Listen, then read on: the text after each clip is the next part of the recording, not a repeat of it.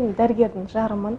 Басқа мамандықты көңілім қаламады. Дәрігерлер олар мынау алланың жердегі әскері деп айта аламын адамдар ақпаратты қайдан алу керек? Сырқаттанған болса уролог маманына жүгінген дұрыс. Бұл дәрігерлер өте парасатты адамдар жоғары білімді адамдар және де мына күйзеліске шыдамды психолог адамдар. Енді оны кейбір түсінеді кейбір түсінбейді. Адамдар дұрыс тамақтанбайды дұрыс су ішпейді таза су ішпейді тұзды тағамдарды жиі қолданады айым болып тудың ба күнім болып тудың ба.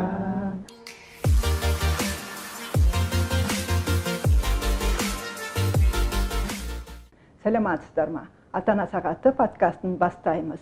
Бүгінгі тақырыбымыз дәрігерлерге арналады. Балаңыздың дәрігер болғанын қалайсыз ба? Бүгінгі қонақтарымыз дастан кенжерахманұлы дәрігер және мейрамгүл талғатқызы инженер технолог. Сәлеметсіздер. Сәлеметсіздер ма? Енді бүгінгі тақырыбымыз дәрігерлер дедік дәрігерлерге байланысты. Сондықтан дәрігер деген сіздер үшін кім? Осы мамандықты не үшін таңдадыңыз? Осыдан бастайықшы дастан. Сәлеметсіздер ме? Енді менің әкем дәрігер болған. Ә, сондықтан дәрігер болу бала кезімде өзіме жақын болды. Мектеп бітіре сала ә, медициналық институтқа түсу арманым болды. Сонда түсіп әкемнің жолын қудық. Ә, басқа мамандықты көңілім қаламады ешқандай. Мысалы үшін жа- жанұямызда үш бала болсақ үш, үш баланың екеуі дәрігерміз мен және қарындасым. Інім ә, ә, басқа мамандықта таңдады сіз дәрігер дәрігерліктің қай бағытын қазір ұстанып жүрсіз? Мен дәрігерліктің ә, хирургия бағытын ұстанып бастадым. Мхм, хирургия саласында тоғыз жылдай іс атқардым. Кейіннен урология мамандығына ауыстым. Мхм. шетелден де оқып келдіңіз? Е, шетелде ә, бір жылдай урология саласы бойынша тәжірибе өттім. Өте жақсы. Сіз ше? Мейрамгүл сіздің жолдасыңыз дәрігер. Иә. Иә? Мен дәрігердің жарымын. Ә, жаңа соны өзім мақтан тұтамын ә, сұрақты қойып отырсыз ғой дәрігер деген сіз үшін кім деп. Мен былай айта аламын. Ә, дәрігерлер олар мынау алланың жердегі әскері деп айта аламын. Мен сондай құрметпен қараймын дәрігерлерге. Өйткені адам баласы жаны мен тәні ауырып қиналғанда бір алладан сұрап дәрігердің алдына келеді ғой. Сол кезде біздің мына ақ халатты абзал жандар ә, мейірімдерімен аяулы алақандарыменен бар білгендерін салып адамның өміріне араша түсетін сондай адамдар. Өзімнің жолдасымда білікті маман ә, хирург осы астана қаласында бірталай жерде жаңағыдай ота жасап көп адамдардың өміріне араша түсіп аман алып қалған сондай білікті маман. Қазір де ә, еліміздің мына қазақстанымыздың денсаулық сақтау саласына белсенді атсалысып м, сондай жұмыстармен араласуда. Өте жақсы.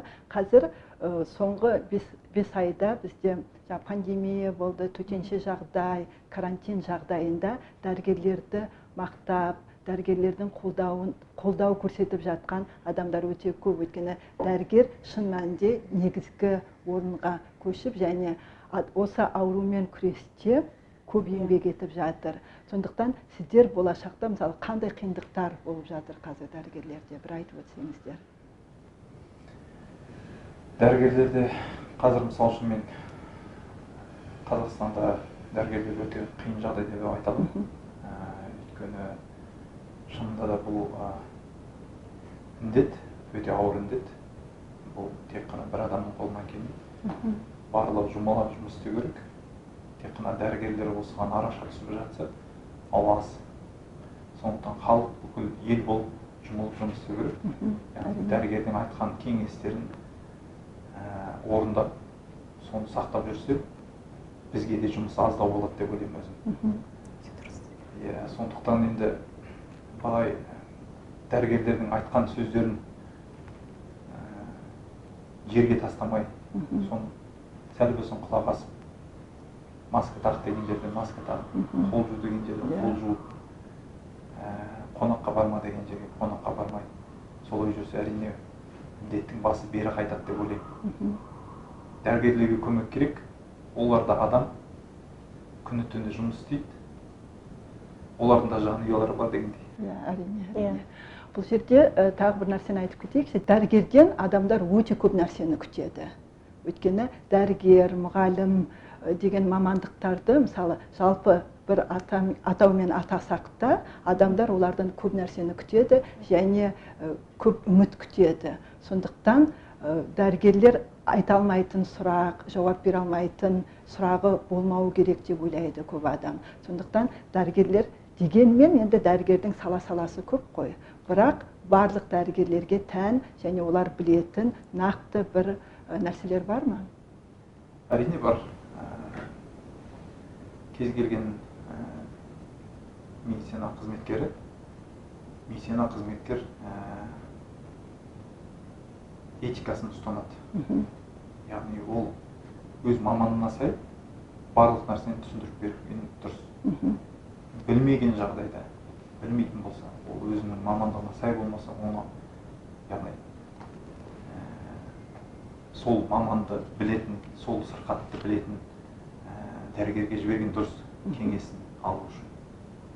Ал жалпылама айтқанда мысалы үшін енді әр дәрігердің айтатыны ә, мысалы үшін дәрі дәрмекте дәрігердің кеңесін сіз ішпеңіз үйде емделмеңіз. Мұнда енді жаттанды сөздер бірақ оны бәрібір қанша дегенмен біздің халық. Білесіздер үйде жатып алып дәріні іше береміз сырқаттансақ сондықтан біріншіден егер дәрігер білмесе бір кез келген жауапқа ол өзінің өзінен жоғары тұрған өзінің бастығы болсын өзінің ә, мұғалімі болсын ол кісіден кеңес алып сол науқасқа көмектесу керек. Ә, дәрігердің тапшылығына байланысты шығар. Мүмкін білмеймін. кейбір кезде халық оны түсінбей жатады теріс түсініп жатады. Ә, сіз білмейсіз деп ә, дәрігерлерге қарсы иә. кінә тағып та жатады. Енді оның барлық дәрігерлер мысалы үшін жеті жыл оқып ә, ештеңені білмейді деп айту қиын. Бізге мысалы үшін кезінде лекция оқыған ә, доценттер біздің біліміміз теңіздегі бір тамшы сумен тең дегенде өзіміз таңқалатынбыз біз болып отырғанда. Иә. Егер олардың білімі сондай болса біз кімді іздегендей мхм. сондықтан адам болғаннан кейін ол барлық нәрсені біле алмайды. Белгілі бір саланы ә, біліп өзінің маманы бойынша айтып берсе егер білмей жатса ғана басқа дәрігерге жібереді. Енді оны кейбір түсінеді кейбір түсінбейді. Мен осы жерде қоса Иә. кетейін. Негізгі дәрігерлер деген бұл сондай жауапкершілікті қалайтын мамандық.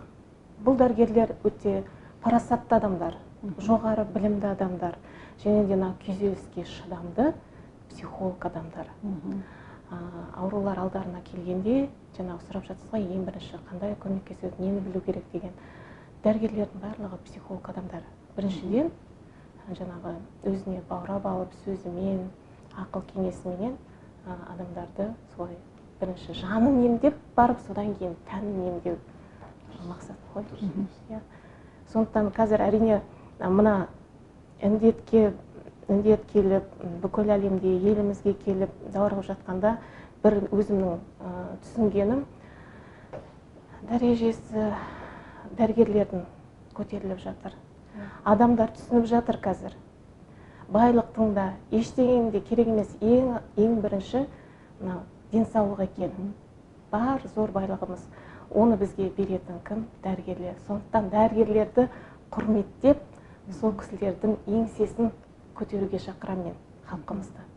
Сонда барлығымыз жаңағы індеттен құтылып бір бірімізді сыйлап бір жақсы деңгейге еліміз жетеді деп сондай үміттенемін өте жақсы. Мысалы дәрігерлер өздерінің өздеріне келіп кеңес сұраған адамдарға түрлі кеңестер беріп жатасыздар ғой. Кейде мысалы дәлелді медицина бар иә? Және халық емі бар. Сіз адамдарға берген кеңестеріңізді өз балаларыңызға да істейсіздер ме? Жоқ әлде халық емін де қолданасыздар ма?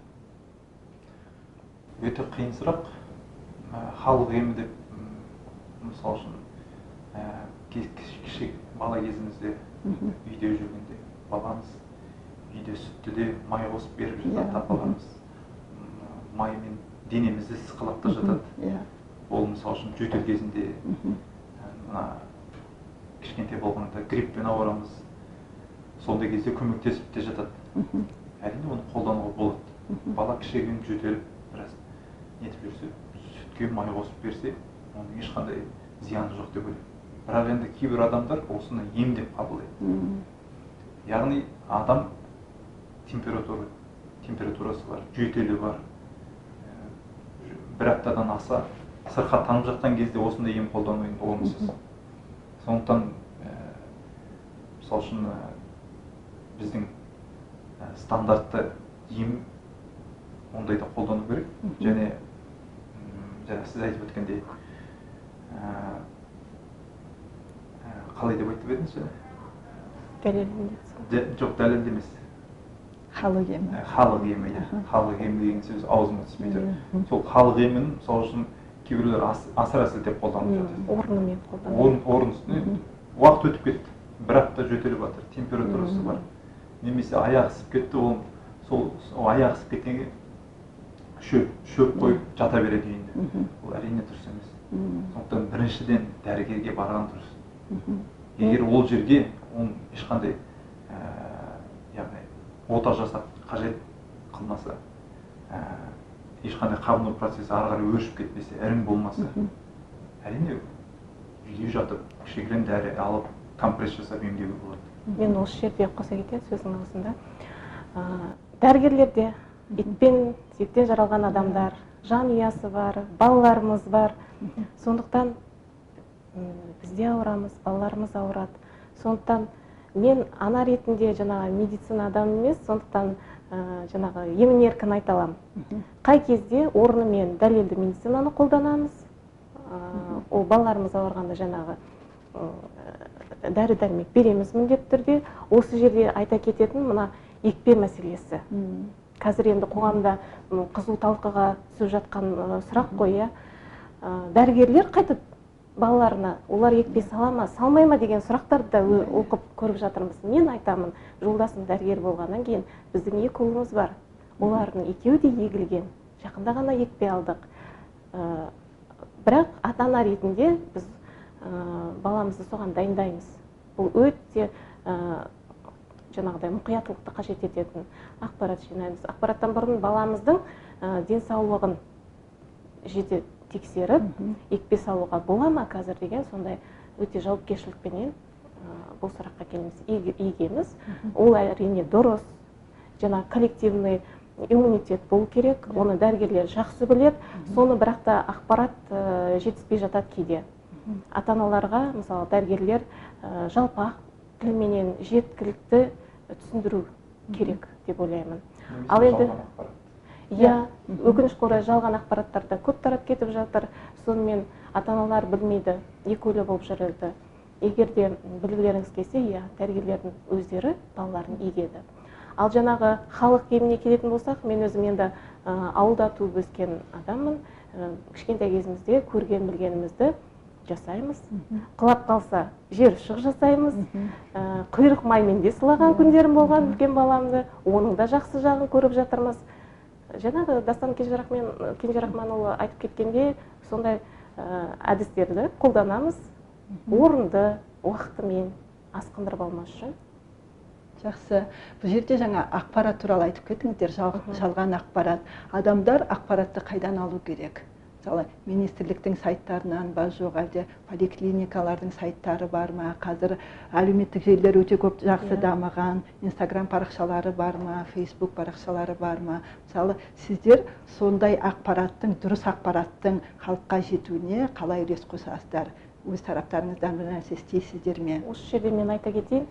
Қазір енді жолдасым дәрігер өзім де осы денсаулық саласына қазіргі таңда мына жағдайда атсалысып жүрмін қандай жағынан жаңағы бірінші кезекте дәрігерлерді қолпаштап еңселерін көтеруге моральдық түрде басқа да керек жарақ дүниелермен көмектесіп жүрмін қолымнан келгенше. Содан кейін бір түсінгенім жаңағы ақпарат өзім мына қоғамдық желілерді қолға алып әлеуметтік желілерді де атсалысып отырамын. Сонда түсінгенім ым, осыны пайдаланып интернетті пайдаланып инстаграм фейсбук барлық телеграм каналдарды бәрі қазір отырады иә карантинге байланысты.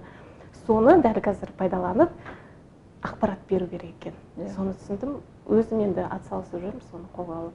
Бар.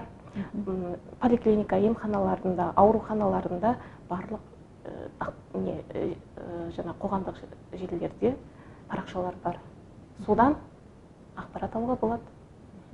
Сіздерде ше жаңағы урология саласында қайдан алады адамдар ақпаратты? Урология саласында урологтан алған дұрыс. Жеке барып қабылдауынан иә? интернеттен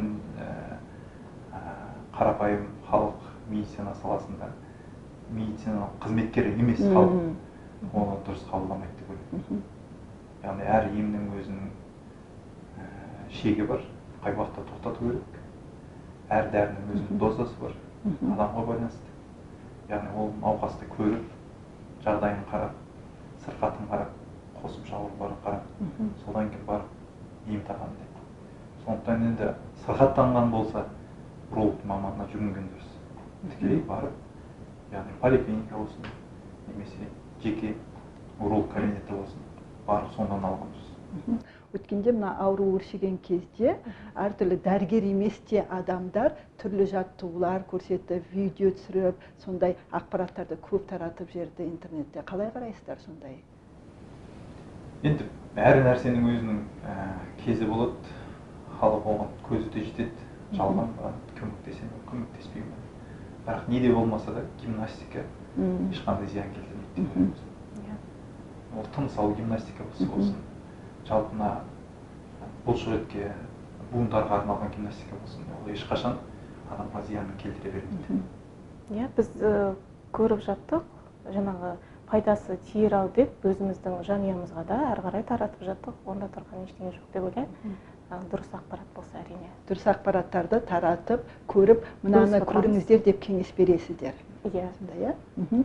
жақсы. Жаңа бір біз мамандық туралы мамандық таңдау және балаларыңыздың ары қарай өздеріңіз таңдаған мамандықты жалғастыру туралы айтып жатырмыз. Мысалы кейде адам ер жетіп ақыл тоқтатқан кезде осыған дейін таңдаған мамандығының кішкене қателескенін және басқа бағытта дамығысы келетінін ойлайды кейбір адамдар. Иә. мысалы сіздерде сондай ой бар ма? Осы істеп жатқан мамандықтарыңызды өзгертіп басқа бір салада істегілеріңіз келе ме? Мен енді ә, дәрігердің жары ретінде айтатын болсам ә, күйеуіме қараймын ғой. Ол да ә, әке шешесінің ата анасының ә, арманын орындап ана сүтін ақтаған бала әке арманын орындап. Өйткені ата енем қазір баласының осындай жоғары білікті дәрігер қоғамға пайдасы тиіп жатқан ақалатты абзал жан болғанына өте мақтанады. Әрбір жетістігіне марқайып отырады. Соны көріп мен де ойлаймын алла жазса құдай қаласа екі ұлымыз да осы әке жолын қуып дәрігер болса екен деп ана ретінде армандаймын. Ал енді жеке өзіме келетін болсам ә, қазір енді қарап отырсаңыз денсаулық саласында көбіне әйел адамдар иә. Соны ойлай келе неден басталады ол. Кішкентай баланың арманынан басталады. Арман қуып келеді бұл салаға көп адам. Неге қыз балалар деп ойласақ ә, қуыршақты алып қолымызға ең алғаш жаңағы ойыншық фонендоскоппенен ә, укол қолымызға тигенде жаңағы қуыршағымызды емдеп не болмаса үйдегі ата аналарымызды емдеп міне содан басталады. Іште арман туады. Бүкіл өмір бойы сол арманын қуып мына ойлаймын қазір көріп отырған дәрігерлер болса сіздер армандарыңыз орындалған бақытты жандарсыздар. Соны айтқым келеді. Енді мен өзіме келетін болсам ә, медицина саласынан басқа ешқандай мамандықта өзімді көріп тұрған жоқпын. Енді мектепке дейін мектептен кейін оқуға да түстік. Оқуға түскенде бірінші курстан бастап хирург боламыз деп армандадық. Басқа саланы өзім өзімді көріп тұрған жоқпын осы Өзгерт- өзгертпеймін деп те ойлаймын. Осы кезде бір жақында подкаст тыңдаған болатынмын. Ол, кез- ол жерде орыстың бір хирургы өзінің хирург болуға дәрігер болуға не әсер еткені туралы айтып береді де. Сөйтсе ол бастауыш сыныпта оқыған кезде ән сабағында музыка сабағында мұғалімі бір симфониядан үзінді қояды екен. Сол симфониядан үзіндіні қойып отырып сол түсіндіреді екен. Бұл музыканы қалай түсіну керек кезде жаңа дәрігердің хирургтың жұмысын сипаттап соның мысалында жаңағы музыканы түсіндірген кезде кішкентай балаға сондай әсер еткені ол мен хирург боламын деп айтады екен де бірден кейін сол арманына жетіп хирург болып танымал ресейде жұмыс істеп жатқан адам бар екен. Сондай бір қызықтар бар да мүмкін сіздер де осындай бір қызық оқиғалар естідіңіздер ме? Мен енді жолдасымнан сұраймын ғой. Ең алғаш танысқанда мен хирургпын дегенде бір керемет адам ретінде тұлға ретінде қабылдадым. Қандай күшті деп айтып отырмын ғой енді дәрігерлер мен алланың әскері армиясы деп қабылдаймын. Ә, нағыз интеллигент адам. Сонда сұраймын ғой сенің ә, әкең анаң дәрігер адамдар ма десем жоқ дейді ол кісілер ә, оқытушы адамдар ұстаз жаңағы қаржылық жағынан не түрткі болды саған? хирург болу. Сонда өзінің ә, жаңағы мамандық таңдар алдында сондай ішкі жан дүниесі ә, көмектескен жаңағы интуициясы дейді ғой. Иә. соған ә, мән беріп мен дәрігер болғым келеді дәрігердің ішінде хирург болғым келеді деп өз қалауымен түскен екен оқу орнына. Енді өздеріңіз білесіздер дәрігерлер ә, басқалар сияқты бір төрт бес жылда бітірмейді. Ұзақ уақыт бұл жерде дәрігерлер м, боламын деген балаға ата ананың көмегі өте қажет.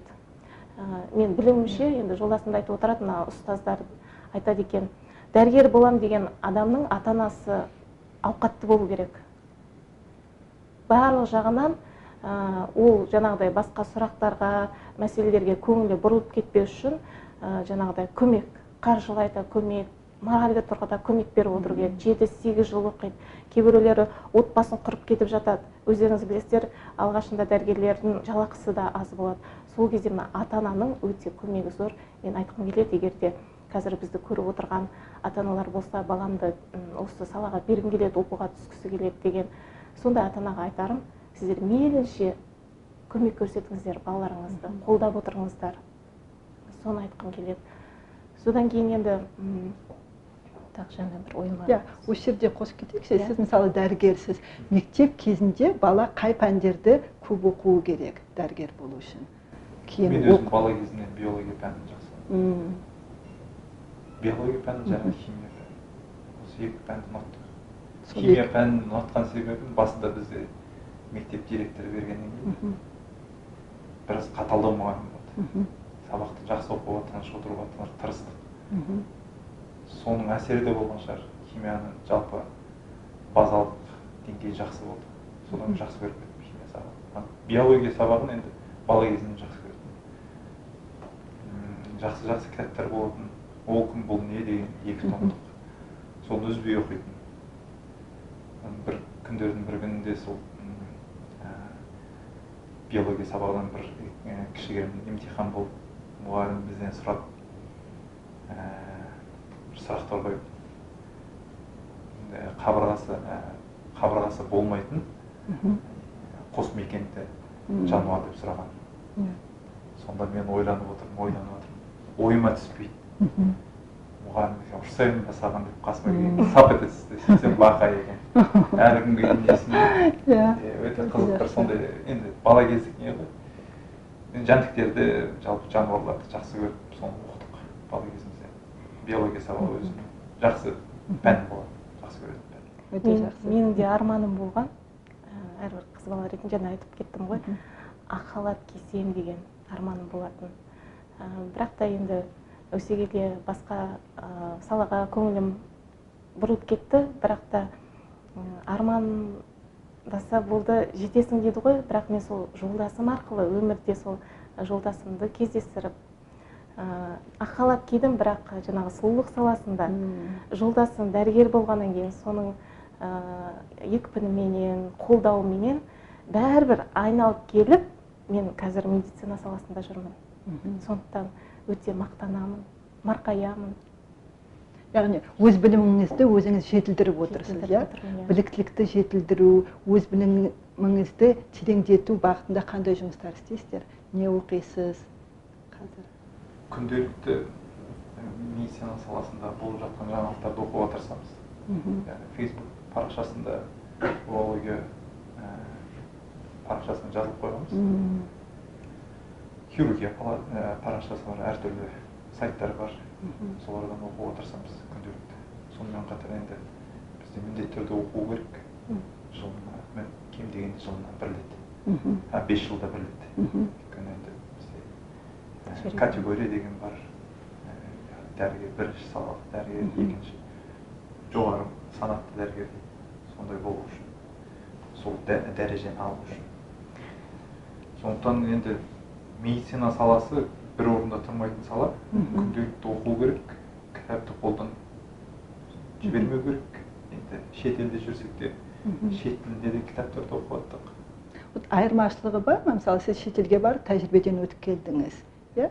Ол жақта мысалы медицина қарқынды дамып кетті ма? Жоқ әлде ол жақта басқаша ауыра ма адамдар? Әлде барлық жерде бірдей ме? Барлық жерде бірдей. Бірдей ауыратындары иә? Емі де бірдей. Емі әртүрлі болуы мүмкін. Ол неге байланысты? дәрілердің түрлеріне байланысты. Мысалы үшін кейбір дәрілер ол жақта қолданысқа енген дәрілер. Мысалы үшін біздің дәрілер ол жақта қолдануға болмайды дей ме Мхм. енді өздерінің әр елдің өзінің стандарттары бар. Яғни белгілі бір дәріні айтады. Міне мына дәріні қолдану керек. Ол тек қана сол дәріні қолданады. Содан кейін шығар. Енді германияда енді дәрінің көп, көп түрі шығады деп ойлаймын. Мхм. сондықтан оларда мысалы үшін ә, кез келген антибиотикке тоқтала өтсек кез келген антибиотикті берердің алдында міндетті түрде қандай бактерия бар екенін анықтайды. Мм. яғни орысша айтқанда бакпасев жасайды. Өсіріп сол бактерияны анықтап бактерияға анти, қандай антибиотик әсер етеді соны біліп барып қана береді. Бірақ оның алдында яғни ол, ол процесс өзі төрт күнді құрайды.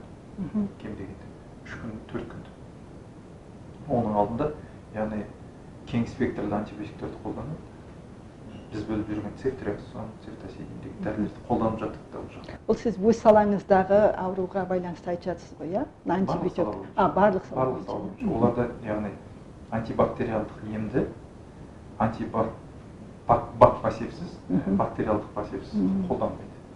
Алдын ала тексеріп зерттеп алмай қолданбайтын болып тұр. Жалпы кең спектрлі антибиотикті үш төрт күн қолданады. Үш төрт күннен кейін яғни Мхм. ә, нәтижесі дайын болады. Сол нәтижесі бойынша яғни соған сәйкес бактерияға сәйкес ә, Мхм. антибиотикті қолданады. Енді ауырып соны өлтіреді ауырып ем іздегенше ауырмайтын жол ізде дейді ғой. Сондықтан ә, бізде мысалға үйде ә, мейлінше ә, сапалы витаминдерді қолдануға тырысамыз. Және де жолдасым бір айта кететін ә, не дәрігерлер спортпен айналысады өзім жолдасым да темекі шекпейді ішімдік ішпейді күнделікті спортпен айналысады. Соның өзі тәрбие балаларымызға. Соны бойларына сіңіріп отырамыз. А, сіздің медицина саласында жүргеніңізге қанша жыл болды? Мен ә, семей мемлекеттік медицина институтын екі мың жетінші жылы бітірген. Сол екі мың жетінші жылдан бері жүрміз. Он үш жыл болды иә он үш жыл болды. сол екі мың жеті мен қазіргі жылды ә, салыстырсақ сол жыл аралығында сіз зерттеп жүрген ә, салада қандай өзгерістер болды? Көп өзгерістер болды ма? мысалы үшін біз бітіріп жатқанда мына енді видео урология деген ә, сала мысалы үшін ол кезде қатты дамымаған болатын. Қазір енді барлық кем дегенде барлық үлкен қалаларда қазақстанда бар деп ойлаймын. Мхм. Және лапароскопиялық операциялар кезде ондай кеңінен қолданбайтын. Қазір енді ондай операциялар күнделікті жасалады деп яғни медицина саласы өте қа- қарқынды дамып келе жатыр. Кейінгі кезде мысалы үшін біздің сала бойынша робот қолданып операция жасап жатады. Ол да қазір келесі деңгей деп ойлаймын. Ол да енді үлкен қалалардан басталып астана алматы қалаларынан басталып ары қарай басқа қалаларға да кеңінен таралады деп ойлаймын. Мхм.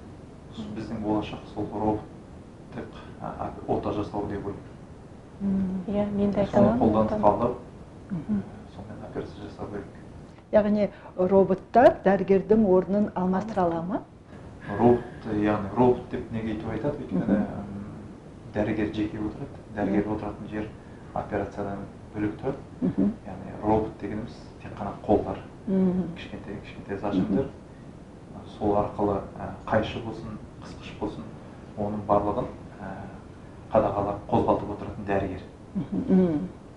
Жанында жеке бір аппарат сонда отырып көзімен көріп отырады іште не болып жатқанын бір кішкентай тесік арқылы камера тұрады екінші арқылы екінші тесік арқылы қысқыш одан кейін қайшы.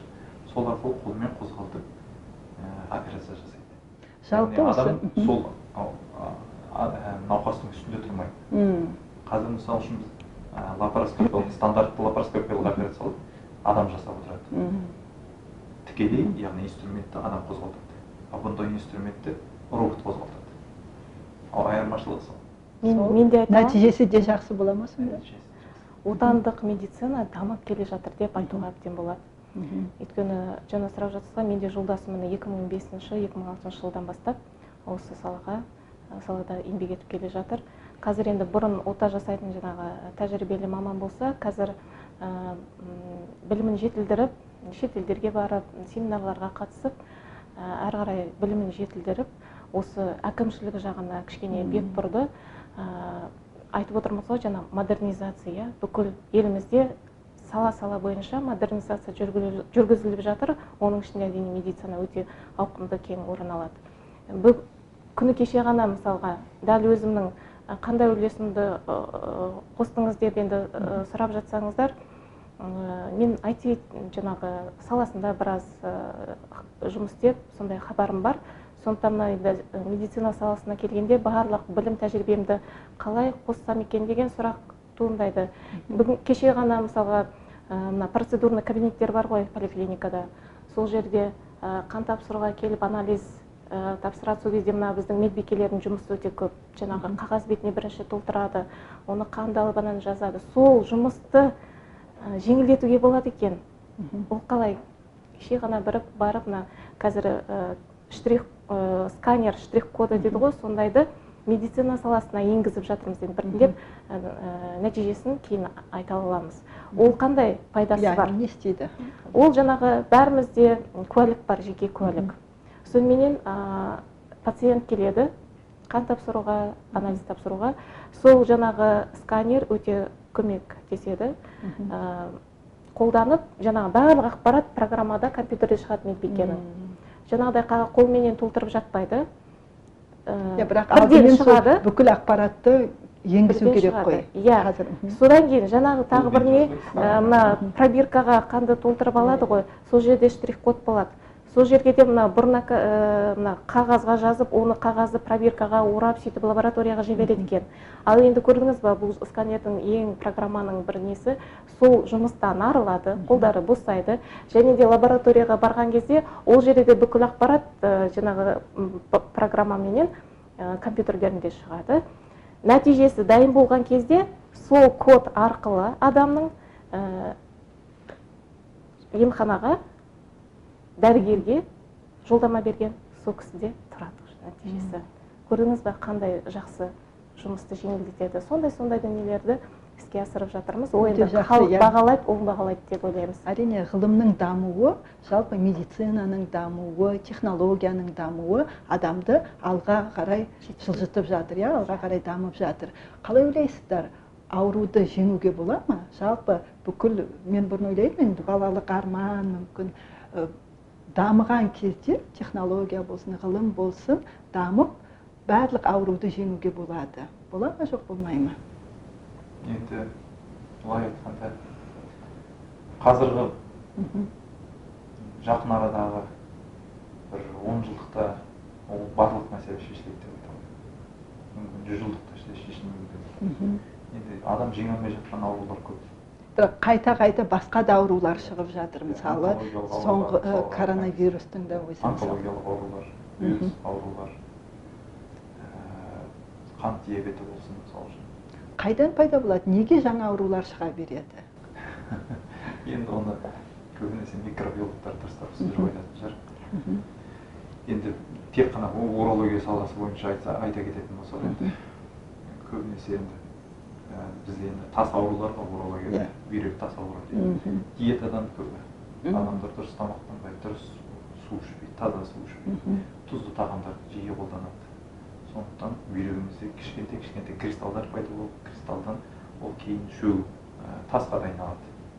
Осы туралы нақтырақ айтып кетсеңіз Мен- иә, тамақтану және су туралы. Дәл осы жерде кешіріңіз сөзіңіз Иә. аузыңызда ә, қай сұрақты қойғыңыз келіп отырғанын Иә, түсініп қойдым өйткені мен жалпы бірінші жоғары білім бойынша мен қоғамдық тамақтандыру саласының инженер технологымын соны өмірде қолданамын. Иә. Айтып отырсыздар ас адамның арқауы дейді. Бірінші жеп отырған тағамымыз құнарлы болу керек дұрыс болу керек сапалы болу керек. Ең мәселе сода ғой. Тазалық тазалық денсаулық кепілі дейді. Жаңағы тамақтану.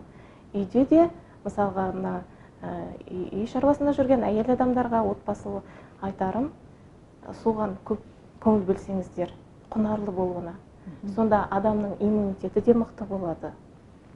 Мысалы таза су сіздер қалай кеңес бересіздер? Мысалы сіздің алдыңызға келді адам келді оның бүйрегі ауырады екен мысалы енді қандай диета ұста не, не деген кеңестер бересіздер?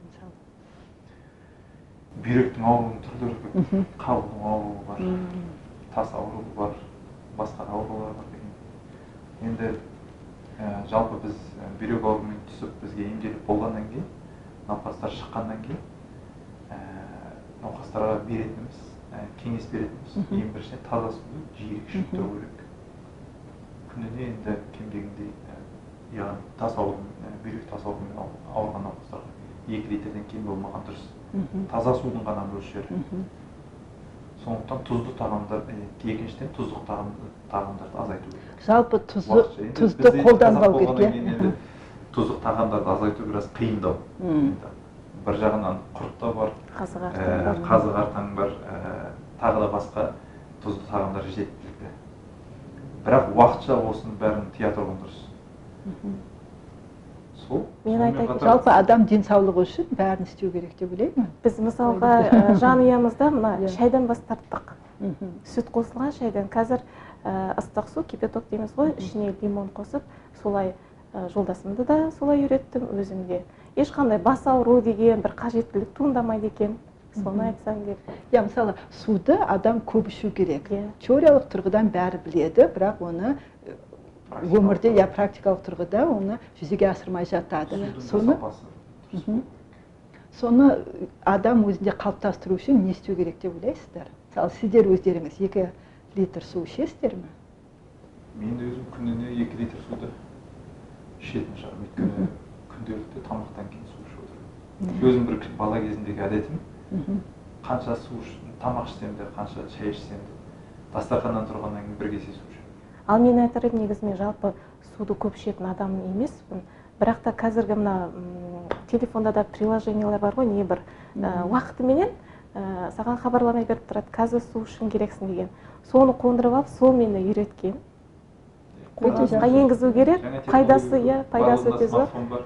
сондықтан суды ішіп яғни үйрендік. адамдар өз денсаулығына өздері жауапты. әрине. Иә оны. Асқындырып Иә. алмау керек. Дәрігерлерге де ол өте көмек. Жаңағы неге мына өмірден кетіп жатады ғой енді? Онсыз болмайды медицина болғаннан кейін. Мен бұл жерде айта кететінім жаңағыдай дәрігерлерді мейлінше қолға қолдап отырсақ ә, қоғамда сондай бір әдет қалыптасып кеткен егер де бір зиян тиіп кетіп өмірден қайтып кетіп жатқанда мына дәрігерлерді жерден алып жерге салып жатады. Ол дұрыс емес. Ал сол бір дәрігер қанша мыңдаған адамдардың өмірін аман алып қалып жатады.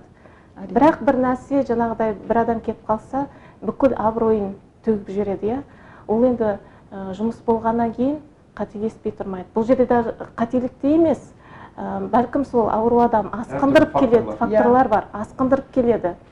Сол жағынан жаңағыдай өте адамдардың көмегі болады сіз сұрақ өте жақсы сұрақ қойып отырсыз. Мына аурулардан құтылуға бола ма деген сондай күн туа ма басымызға деген. Мен как оптимист адам ретінде айтар едім болады. Оның бәрі жаңағы ойымызға байланысты. Ойымыз түзу болу керек ниетіміз түзу болу керек. Жаңағы өмір сүру салтымыз түзу болу керек Іш- ішіп отырған асымыз жақсы болу керек. Сонда ғана ә, жаңағы психологиялық түрде біздің ойымызда бәріміз жақсы болғанда біз ауырмаймыз иммунитет мықты болады. Біздің ол іш ішкі жан дүниемізге байланысты. Жақсы. Енді ең соңғы сұрақ қояйын. Сіздерге балаларыңыздың дәрігер болғанын қалайсыздар ма? Енді балалар өздері шешеді деп ойлаймын. Өсе келе. Бірақ ә, қазір үлкен қызым талпынысы бар деп ойлаймын. Кейбір кезде айтып қалады дәрігер боламын деген ойлары бар. Жалпы жақсы.